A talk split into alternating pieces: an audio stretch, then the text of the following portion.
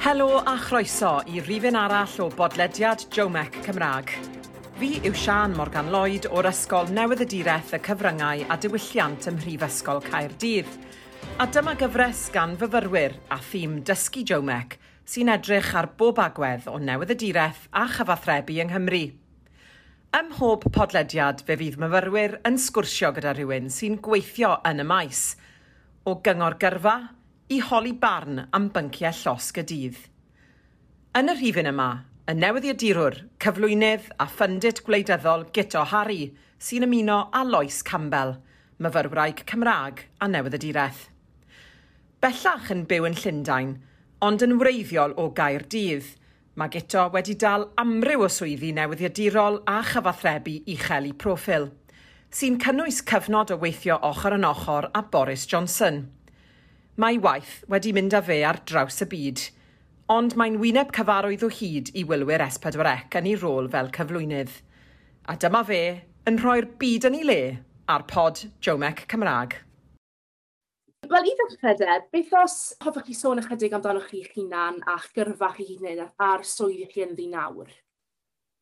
Wel, wi wedi bod yn lwcus iawn wedi cael uh, amser diddorol tu hwnt dros rhyw ddeng mlynedd yr ugen ers gorffen astudio yn yr uh, coleg yng Nghaerdydd, postgrad nes i wneud yna ar ôl gradd yn, yn, yn Rhydychen, a es i yn syth, mwyn y lai, deudydd rhwng gorffen y cwrs yng Nghaerdydd a dechrau freelansio yn y BBC yng Nghaerdydd.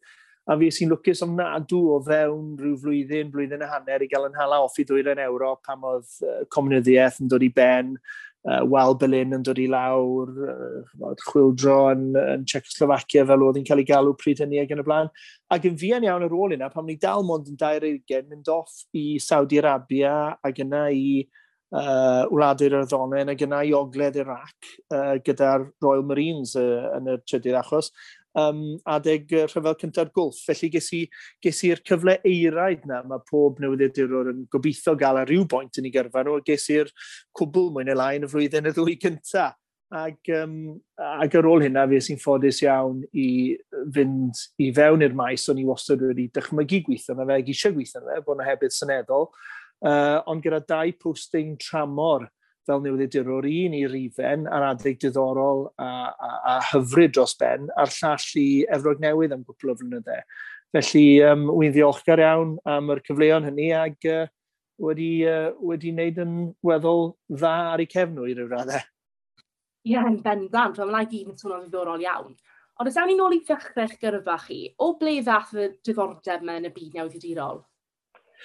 yn y diwedd, dwi'n credu, chi'n bod, mae yna lot o bethau sy'n ddiddorol. Mae'n hynod ddiddorol bod yn lawfeddig neu bod yn beiriannydd weithiau yn fan, ond i chi yn y diwedd yn dweddi lan yn wneud yr un peth bob dydd. Hyd yn oed os yw'r peth yna yn anhygol o ddiddorol a phwysig. Um, ond os chi'n newyddiadurwr, i chi un diwrnod yn, yn, yn dilyn llawfeddig a'r diwrnod arall yn dilyn plismon, neu nyrs, neu milwr, neu gleidydd ag yn y blaen, mae'r amrywiaeth aruthrol yma yn y maes llafur i chi'n ei ddilyn. Wrth gwrs, yr un peth ych chi'n neud bob dydd i ryw raddau yw adrodd storys y bobl yna, ond mae'r byd i chi'n fyw yno fe yn fyd mor eang. Ac uh, un o'r pethau wy'n licio, mae rhaid i chi fod yn chwilfrydig, mae rhaid i chi fod yn rwdrydig, mae rhaid i chi fod yn digon hyderus i feddwl bod eich you know, fersiwn chi o stori yn werth i chlywed, mae rhaid i chi fod yn digon hyderus i, i wynebu cynulleidfa, pyn ei hwnna trwy sgwennu neu trwy gyflwyno'r dyledu neu radio. Ond os i chi ar pethau ni, allai'n dychmygu lot gwell na cael yr ymrywiaeth sydd yna fel newyddiadurwr. Mae'n rhaid i chi fod yn hyblyg iawn yn gymdeithasol. Un diwrnod i chi gorfod siarad gyda rhywun sydd yn chymod, uh, llnau'r llawr, a'r dwrnod wedyn falle bod chi'n holi'r prif unidog, ac i chi fod yr un mor gyfforddus gyda'r ddau berson yna, a rhoi yr un parch uh, a phwysigrwydd i'r ddau yn nhw yn y pen draw, achos clywed i stori nhw i chi am wneud. Felly i fi sydd â low bod yn threshold, be bynnag yw'r trosiad gorau hwnna i'r Gymraeg, mae e wedi bod yn faes llafur da iawn achos bod yna gymaint o ymrywiaeth. Uh, mae wedi mynd â fi bedwar ban, mae wedi cyflwyno fi gymaint o wahanol bobl sydd yn ddiddorol tu hwnt. Uh, ac ar ei ore, i chi fel newyddiadurwr, yn y lle uh, iawn ar yr amser iawn, gyda'r bobl iawn, pan bod yr peth mwyaf diddorol yn y byd yn digwydd.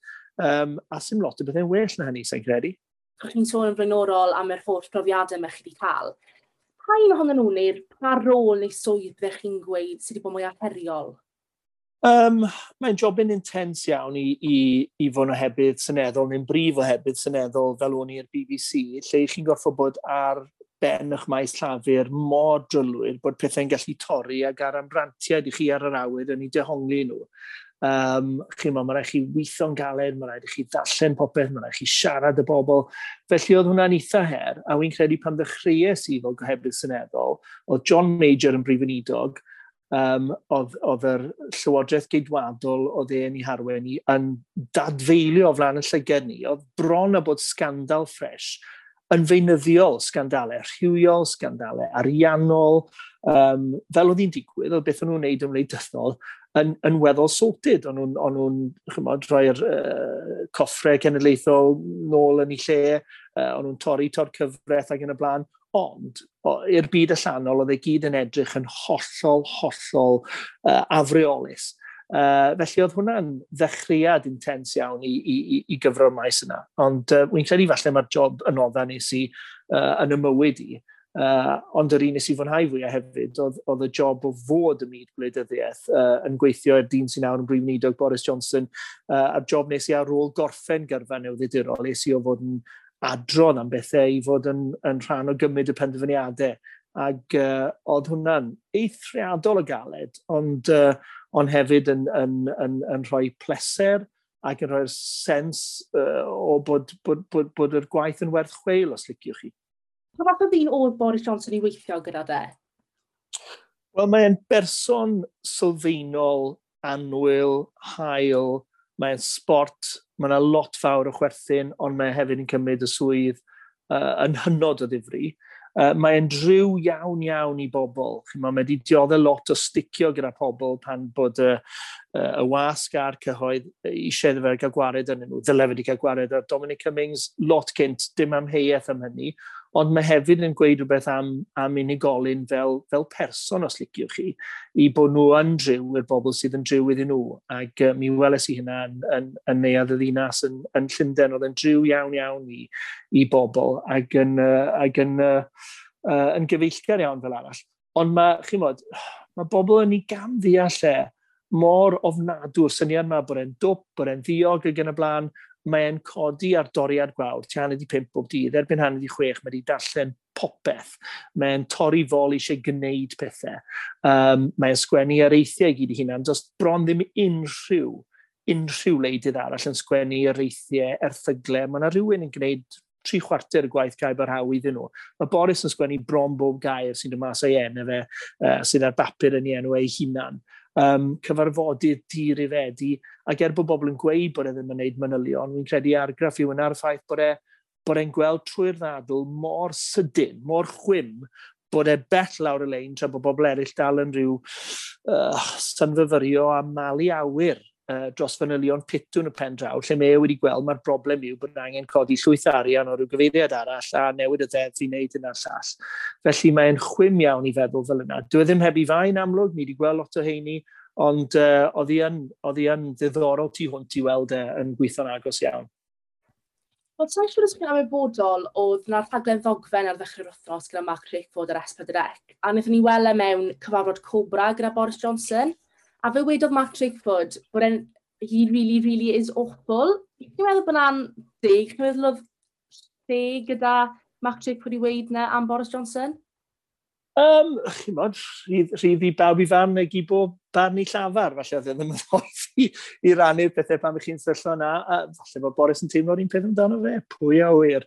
Ond um, na, o'n i'n licio'r rhaglen yna, ac yn amlwg mae ma, ma Mark Treithford yn berson didwyll, diffiant, uh, mae galon yn y lle iawn, um, ond beth darodd fi am yr rhaglen yna oedd bod e'n darllen popeth ac yn mynd i fanylion dwys iawn, iawn, iawn am Covid, ond sa'n cael bod yna un drafodaeth mewn awr o'r rhaglen oedd yn adlywyrchu dros chwe mis o ddilyn y boi yma, lle oedd e'n lle oedd e'n trafod beth oedd angen i wneud i gadw'r economi i fynd, neu greu gwaith, neu achub cyfleon, neu neu siŵr bod Cymru'n gallu dringo allan o'r pandemig yma yn gynt ac ennill uh, y math o gytundebau sydd yn creu gwaith a swyddi a chyfleon a golyd yng nghefn gwlad. Dim gair am hynny sa'n credu bod chi wedi gweld un shot o Ken Skates fel y gweinidog busnes. Felly, dwi ddim yn lladd arno fe fel dyn, ond wi yn credu bod yna fethiant hanesyddol yng Nghymru i werthfawrogi pwysigrwydd creu golyd, dim jyst gwario'r arian sy'n cael ei greu rhywle arall uh, a dadle am faint fwy o arian allan ni wario drwy'n amser. A'r gobeith yw, pan ddewn ni mas o'r pandemig, y bydd hyd yn oed Mark Drakeford os geith ei ailethol um, yn, yn, yn canolbwyntio chydig bach mwy ar, ar godi arian ac yn galluogi Cymru sefyll ar ei thraed i hunan, nid jyst gwario arian sy'n cael ei greu fan arall. Ni'n sôn am Gymru lot fyna. Chi ni bod yn byw yn Llundain nawr ys blynyddoedd, a i chi byth yn dyfaru gadael Cymru, neu chi'n falch bod chi wedi camu dros y ffin am mynd i arbrofi yng ngwledydd eraill? Wel, gwleidyddiaeth oedd yn niddordeb mawr i, pan o'n i'n gorffen coleg, doedd na ddim uh, cynulliad na senedd y, y Mae Cadyr o'r Gwleidyddiaeth Cymru yn digwydd uh, bron yn llwyr yn San Steffan. Felly, oedd, chymod, oedd yna ddim lot o ddewis. Ac a bod yn onest hefyd, mae gennau ddiddordeb mawr mewn gwleidyddiaeth rhwngwladol a byd eang ac yn y blaen. Ac um, er bod gwleidyddiaeth Cymru yn eithriadol bwysig, uh, dyw Cymru ddim fel Iwerddon yn, yn chwaraewr mawr rhwngwladol. Mae Iwerddon yn dangos bod gwlad fach yn gallu bod yn ddylanwadol iawn, sicr o fewn yr, yr undeb Ewropeaidd. Dyw Cymru ddim, felly chymod, i ryw raddau y gwaith yn anochel yn ni fynd â fi o Gymru. Mae yna degau pam sy'n ni yn licio sy'n ni uh, yn byw yng Nghymru a wi wastad wedi dod nôl lot. Um, ac mae Cymreictod yn eithriadol bwysig i fi, felly mae'r mae plant wedi tyfu fyny heddiw yng Nghymru ond yn siarad Cymraeg yn rhugl, ac mae un wedi dewis mynd i'r prifysgol yng Nghymru nawr sydd yn, sydd yn hyfryd. Mae'r llall yn astudio Sienieg ac yn credu bod y ffaith bod wedi fagu yn ddwy eithog yn siarad Cymraeg yn ogystal â Saesneg wedi helpu ei fod yn ieithydd uh, godalentog. Uh, felly mae Cymreitod yn bwysig a mae bod yng Nghymru'n bwysig, ond allai ddim esgus nad, ydw, nad yw byw yn un o ddinasoedd mawr y byd wedi bod yn rhywbeth o'n eisiau wneud a wedi byw yn Efrog Newydd ac yn Rhifen Uh, ond mae Llundain chymod, yn fwy na'r ddwy yna hyd yn oed, yn fwy na gefrog newydd erbyn hyn. Felly, sa'n credu sy'n ni'n bod yn gyfforddus iawn yn byw mewn dinas Saesnig, os liciwch chi, ond mae byw mewn dinas rhwngwladol fel Llundain uh, yn gweddu ym mhersonoliaeth i yn ogystal â'n uh, niddordeb uh, proffesiynol i. Chi sôn fan am bwysigrwydd Cymreicdod a'r Gymraeg i chi. Yw'r Gymraeg wedi bod o fydd i chi yn eich swydd a cael y rolau yma, neu byddech chi'n ddim yn meddwl bod e mor bwysig yn ei? Um, Wy'n credu, chi'n bod, oedd yr job cyntaf nes i uh, yn, yn bennaf yn gweithio trwy gyfrwng y Gymraeg, felly, chi'n bod, uh, uh, mewn un ffordd amlwg iawn, os o'n i ddim yn siarad Cymraeg, fydden ni ddim wedi cael y job gyntaf ges i. Ond wy'n credu falle uh, o ran yr addysg o'n i wedi cael a hyn oedd gynnau gynnig sy'n i wedi cael job un rhywle arall um, os o'n i ddim wedi dechrau trwy gyfrwng Cymraeg. Dyw e ddim wedi bod o o fantes o ran gweithio i'r rhwydwaith. Fi'n credu bod e'n bwysig i'r rhwydwaith bod yna Gymru a Chymru Cymraeg yn y mix, ond mae dal yn dibyn o sialens, ac uh, wy'n credu fydde eraill, you know, Hugh Edwards yw'r yw brenin yn hyn i gyd yn, yn, yn gweud bod chi lle, lle mae yna gymaint o barch at leafrifoedd eraill, dyw'r parch yna a'r ymdeimlad bod angen i hyrwyddo nhw ddim yn ymestyn i bobl sydd yn Gymru ac yn Gymru Gymraeg. Uh, mae bobl dal yn credu bod hi'n lot bwysicach enganu uh, enwau, chymod, mewn rhyw lefydd pell yn nwyren yr hen undeb Sofietedd, uh, yn bwysicach nag enganu enwau Cymraeg yn gywir. Um, ac i ni gyd wedi cael y profiadau yn sicr rai blynyddoedd yn ôl pan ni'n dechrau o, ti'n bod, who is this new chap? Can't I call him something else?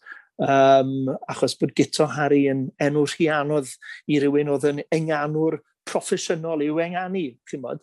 Felly oedd yna lot o elfennau nawddoglyd ag yn y blaen, ond rhan o'r hwnna, dwi'n meddwl, yw bod chi yn rhyw lus genad uh, dros Gymru a'r Gymraeg, os ych chi yn y byd yna, ond sa'n credu bod e'n fantes i chi ddringo'r ysgol yn y byd yna. Wy'n of, ofni mae'r gwir yw os ych chi'n os ych chi'n ei gormod ar Gymru neu os chi'n dod yr Alban, chi'n ei gormod yn yr Alban, i chi'n cael eich, chi mewn perygl gael eich gweld fel arbenigwr ar y maes yna. Does ddim yn gweud, o, i chi'n Saesnig iawn, dylech chi mon cyfro gwleidyddiaeth lleol Lloegr, ond os chi yn Gymro ac yn Gymro Cymraeg, hyd yn oed ar ôl treulio 90% yng Nghyrfa i'n gweithio trwy cyfro y Saesneg yn cyfro gwleidyddiaeth Prydain Fawr, mae bobl dal yn gweud, o, oh, you're quite an expert on Welsh politics, aren't you?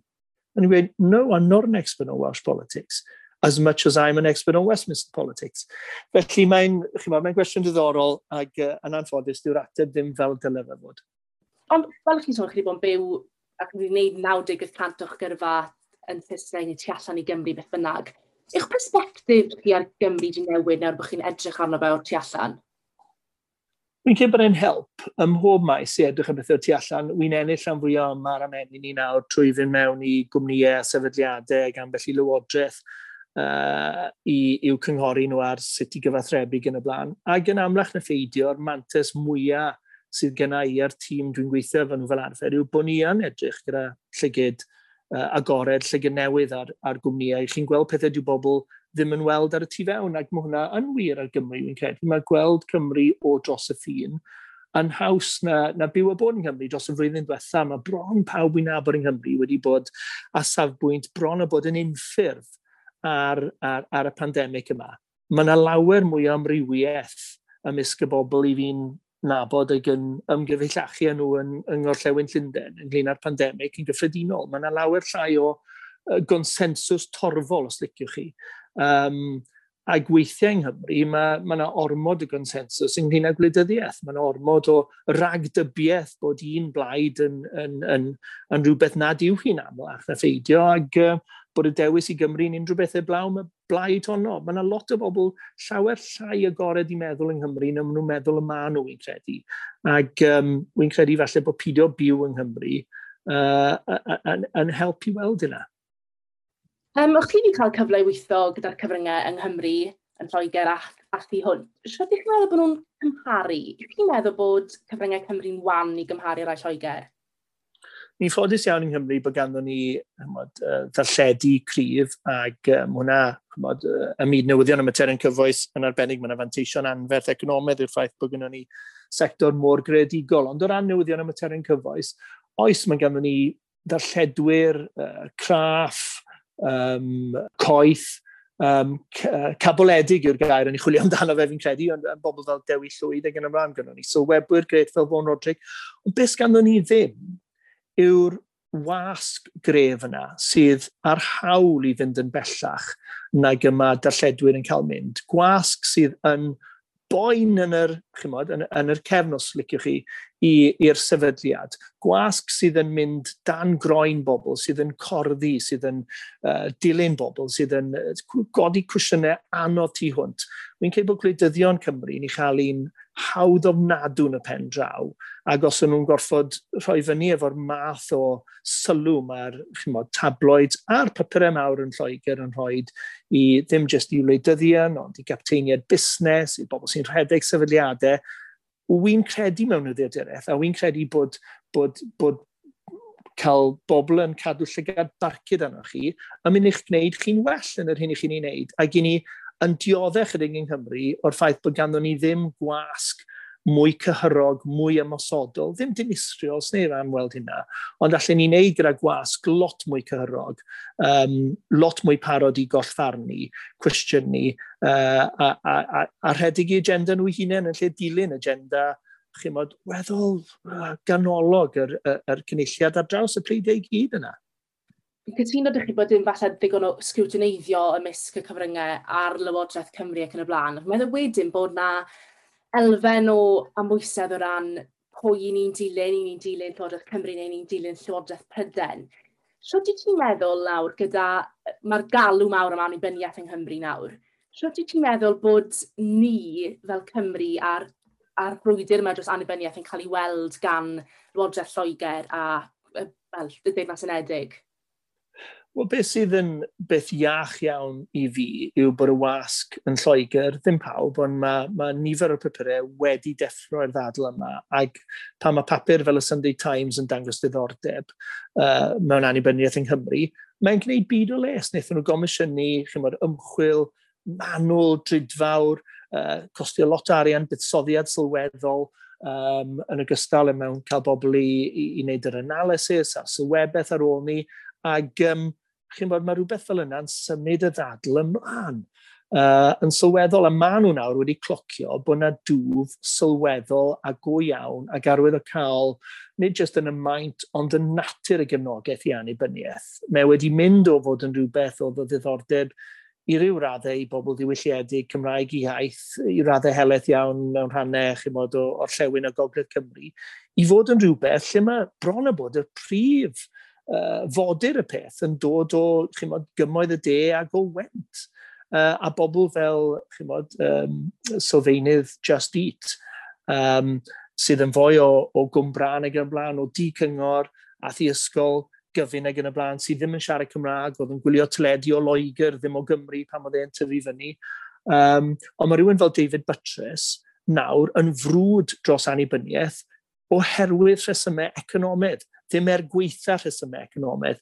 A mae hwnna wedi traws newid y ddadl, mae'r ffaith bod papurau a'r wasg yn, yn Lloegr wedi deffro i hyn, yn, uh, yn, yn arwydd o cael iawn. Fydd e'n annog lot o bobl i fod yn fwy brwd dros annibyniaeth, ond fydd e hefyd yn golygu fydd cwestiynau lot anoddach yn cael ei gofyn o annibyniaeth, fel y dyle hi fod, achos neb am wneud rhywbeth mor ddramatig a, a, a, a, a, a chymod, torri'n rhydd o wledydd Pryden, os na, dyn nhw wedi meddwl yn caled am y peth, a holi cwestiynau caled am ydy'r e'r peth iawn i wneud.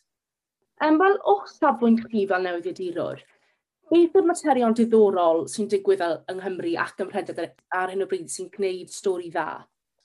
Wel, wy'n credu bod, chi'n bod, mae yna be mae bo, y dde yn galw'n culture wars, mae yna lot o bethau mynd ymlaen ynglyn â, bod, ah, hawl pobl i ddiffinio nhw i hunain ac i herio reality beolegol yn y diffiniad yna ac i, chymod, i, i diffinio beth sydd yn uh, bwysig, beth ych chi'n unieithu ag e, beth ych chi'n deimlo, neu beth sydd yn draddodiadol yn cael ei weld fel, fel ffaith.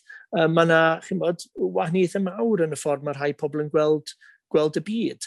Uh, mae hwnna'n un peth, um, ond wy'n credu mae'r pethau sydd yn wirioneddol gyffroes dros y ddeng mlynedd nesaf, a wy'n falch iawn bod wedi cael Comisiwn Gynradio Cymru i wneud cyfres ar hyn, yw mae technoleg yn mynd draws newid y ffordd i ni'n byw, y ffordd i ni'n ennill arian, y ffordd i ni'n addysgu, y ffordd i ni'n cadw'n iach ac yn heini, fydd rhai pobl mwy neu lai'n gallu byw am byth, ddim yn genedlaeth i, ond eich genedlaeth chi falle, uh, a mae'r newidiadau yna uh, yn anhygol o gyffroes. Ac uh, licen i weld y wasg yn gwneud lot mwy ar hynna, ddim jyst chymod, cylchgronau gwych fel waed, ond mi ddylai'r pethau hyn fod yn, yn fwy canolog i'r wasg yn sylfaenol, achos chymod, ddoi o'n i'n edrych ar y Times, ac mae yna bilsen allwch chi uh, i, i llyncu nawr, sydd y camera bach yn ddi. Felly mae'r camera yn mynd trwy'ch holl system chi, a trwy'r colyddyn a mas y pen arall, a sy'n gwell ffordd i weld, mod, os gandwch chi ganser neu a fi iechyd difrifol neu hynna. Nawr mae rhywbeth fel yna'n anhygol y gyffroes. Mae bobl yn tyfio'r ganau. Mae bobl yn gallu gwneud llawdriniaethau o un cyfandir i'r llall heb orffonidio mewn awyren i'w gwneud nhw. Uh, Mae'r ffordd fyddwn ni'n dysgu ag yn y blaen. Mae'r newidiadau yna yn mynd i fod yn fawr. Mi all y newidiadau yna fod yn hynod um, gyffroes a chadarnhaol i'r iaith Gymraeg. Dwi'n credu bod y cyfryngau cymdeithasol wedi bod yn beth mawr iawn i'r iaith Gymraeg. Sa'n credu bod ni cweit wedi sylweddoli gymaint fwy allan ni'n neud pan ni'n diffinio cymuned fel rhywbeth chymod, uh, sydd, sydd yn bod lle bynnag i chi o ran deiryddiaeth yn ytrach na lle i chi'n deiryddol. Um, mae lot haws darganfod cymunedau mawr Gymru Cymraeg nawr uh, ar Twitter neu Facebook neu Instagram ac yn y blaen, nag yw i ffeindio pentre lle mae gennych chi filodd ar filodd o bobl yn siarad yr iaith a diddordeb yn, yn y Gymraeg. Felly mae'n fyd cyffroes i'r Gymraeg, mae'n fyd cyffroes yn gyffredinol a dwi'n meddwl mae dyna dylai fod mynd â a mwy o'n bryd ni newyddiadurol dros yr ddegaw nesaf. Beth yn un peth byddech chi'n gweud chi wedi dysgu yn ystod eich gyrfa, byddech chi wedi lico gwybod pan o'ch chi'n dechrau neu'n dod mas o'r brifysgol? Os rhyw sgil neu rhyw gyngor sydd wedi aros da chi? Um, Wy'n credu un o'r pethau pwysica yw'r beth wedodd rhywun wrthai pan o'n i'n fyfyrio. Oedd, nes bod chi'n credu yn o'ch chi'ch hunain, sneb arall yn mynd i credu yn o'ch chi. Uh, ac yn enwedig falle fel Cymru, i ni uh, dan reidrwydd diwylliannol bron y bod i fod yn orwylaidd. Uh, ac mae'n yn gwneud ni'n bobl mwy dyniadol falle uh, na'r na, na bobl yna sydd sicr ben arall i'r pegwn. Ond mae'n un peth i fod yn wylaidd o ran natur, ond mae rhaid i ni gredu yn o'n i'n hunain, mae rhaid i ni gael Cymru sydd yn credu gallen nhw greu cwmnïau mawr sydd yn cystadlu gyda cwmnïau mawr y byd. Mae rhaid i ni gael yr hyder yn y gwleidyddiaeth ni feddwl gallwn ni sefyll ar yn trad yn hunain pyn ei ni moyn torri'n rhydd yn y byd o, mi ddylen ni fod yn trio cyrraedd sefyllfa lle ni'n gallu, lle ni'n abal i sefyll ar yn trad yn hunain. I ni a bobl sydd yn ddigon y derys i sefyll ar lwyfan yn canu ac yn actio ni, chi'n ni'n creu rhai'r bobl gorau yn y byd yn y maes yna, ond dwi'n stori ni fel cenedl ddim yn cynnwys lot o entrepreneurs. Dych chi ddim yn clywed lot am gwmnïau llwyddiannus o Gymru, am wyddonwyr llwyddiannus o Gymru. Mae'n wan bod, ond i ni ddim yn ei dathlu nhw'n yr un ffordd ag i ni'n dathlu'r Richard Burtons neu'r Matthew Rhysys yna. Chymod? Ac mae angen lot mwy o'r o'r, or hyder yna yn yn, yn, yn, yn gwleidyddiaeth ni, yn yn, yn, yn byd busnes ni, a mae angen i ni ddathlu'r bobl sydd yn magu'r hyder ac yn cael y llwyddiant yn y meysydd yna. Wel, i ddod â'r sgwrs mae bende, os unrhyw tips ydych chi i fi neu unrhyw un sy'n gwrando mas na sy'n moyn mentro mewn i'r byd newyddiadurol? Wel, un llongychiadau'r ddewis, chymod, maes eithriadol bwysig. Un fydd yn rhoi lot o bleser ag uh, boddhad, a, a, a, ac fydd yn werth chweil i chi fel unigolyn, ond uh, proffesiwn, mae rhai bobl yn credu bod, bod, bod pethau wedi newid, dyn nhw ddim yn y bôn, mae dal yn un o'r galwedigaethau pwysica yn y byd, achos o heb newyddiadureth, fydde yna fydde'r cyfoethog, fydde'r uh, pwerus, fydde'r dylanwadol, ddim, yn, ddim dan unrhyw reidrwydd i fi hafio fel y dylen nhw.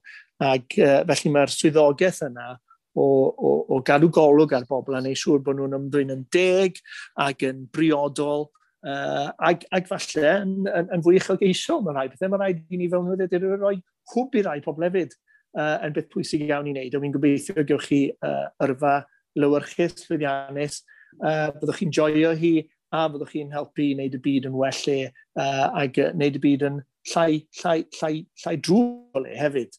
Uh, felly pob lwc i bawb sydd yn dilyn gyrfa newyddiadurol nawr. Ydych mlaen i weld llwyddiant chi lawr y lein. Wel, diolch yn fawr i chi am y cyfweliad a diolch yn fawr am bodloni i ymuno gyda ni heddi. Lois Campbell yn holi Gito Harry ar pod Jomec Cymraeg. Cofiwch am weddill y gyfres, ond am y tro, diolch am ryndo.